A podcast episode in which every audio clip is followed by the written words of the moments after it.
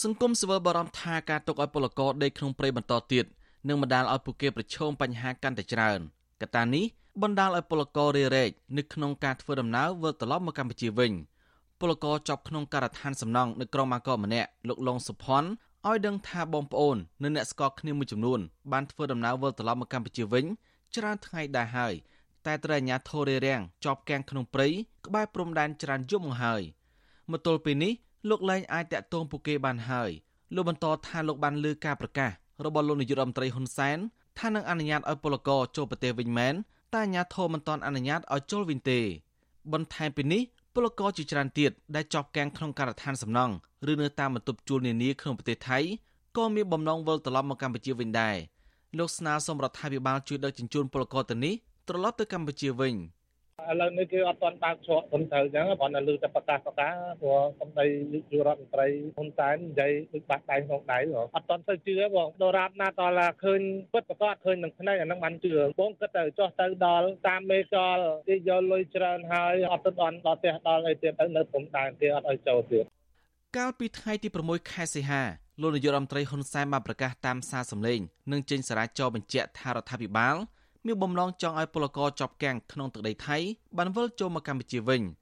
ប៉ុន្តែមុននឹងឈានដល់ការបើកផ្លូវនេះលោកហ៊ុនសែនបានណែនាំឲ្យអាជ្ញាធរខេត្តជាប់ព្រំដែនទាំងអស់ប្រញាប់ផ្ទេរពលករពីមណ្ឌលចតាលិស័កចូលទៅតាមរាជធានីខេត្តនៅខាងក្នុងប្រទេសដើម្បីទុកកន្លែងសម្រាប់ទទួលពលករជាប់គាំងក្នុងដីថៃមកធ្វើចតាលិស័កបន្ត។ ក្នុងករណីដែលបងប្អូនមកលើសហួសការកំណត់គឺត្រូវតែអនុវត្តនៅរបៀបមកដល់ធ្វើតេស្តភ្លាមហើយដឹកជញ្ជូនបងប្អូនទាំងនោះចូលមកកាន់ខេត្តខាងក្នុងតែម្ដងដើម្បីយកមកធ្វើចិត្តលិស័កនៅខាងក្នុងដូច្នេះបញ្ហានេះវាបានคล้ายទៅជាបញ្ហាបន្តវិទ្យុអស៊ីសេរីមិនទាន់អាចសុំការបញ្ជាក់បន្ថែមពីអ្នកនាំពាក្យសាលាខេត្តមួយចំនួននៅជាប់ព្រំដែនថៃ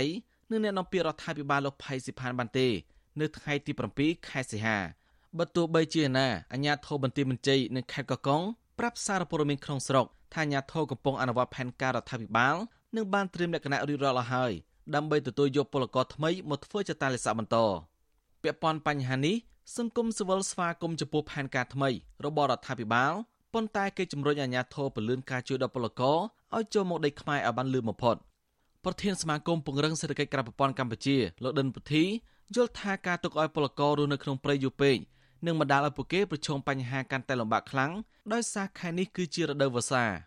លោកក៏បារម្ភថាពលករដែលឆ្លង COVID-19 ស្រាប់នឹងឈឺកាន់តែធ្ងន់នៅក្នុងព្រៃដោយសារការមិនទទួលបានសេវាសុខាភិបាលត្រឹមត្រូវជាដើមលោកជំរុញអាជ្ញាធរពលឿនការទទួលយកពលករឲ្យមកសម្រាប់នឹងព្យាបាលថែទាំសុខភាពនៅតាមមណ្ឌលចតាលិស័កឲ្យបានត្រឹមត្រូវជាជាងការទុកឲ្យពួកគាត់ដេកនៅក្នុងព្រៃ។ គួរតែទទួលពលករនឹងមកអ្នកណាដែលអត់មានជំងឺនឹងគួរតែដាក់ផ្សេងបែងចែកគ្នាឲ្យច្បាស់លាស់ពាក់ព័ន្ធនឹងការប្រើប្រាស់បន្ទប់ទឹកអីហ្នឹងព្រោះយើងមានសាលារៀនមានមន្ទីរពេទ្យច្រើនតែតាមច្រកបន្តព្រំដែនកម្ពុជាថៃហ្នឹងយើងមានសាលារៀនទឹកច្រើនដែរហើយយើងយកទៅដាក់លោកឡំគ្នាអ្នកឈឺអ្នកជាអីអាហ្នឹងគឺវាបញ្ហាណា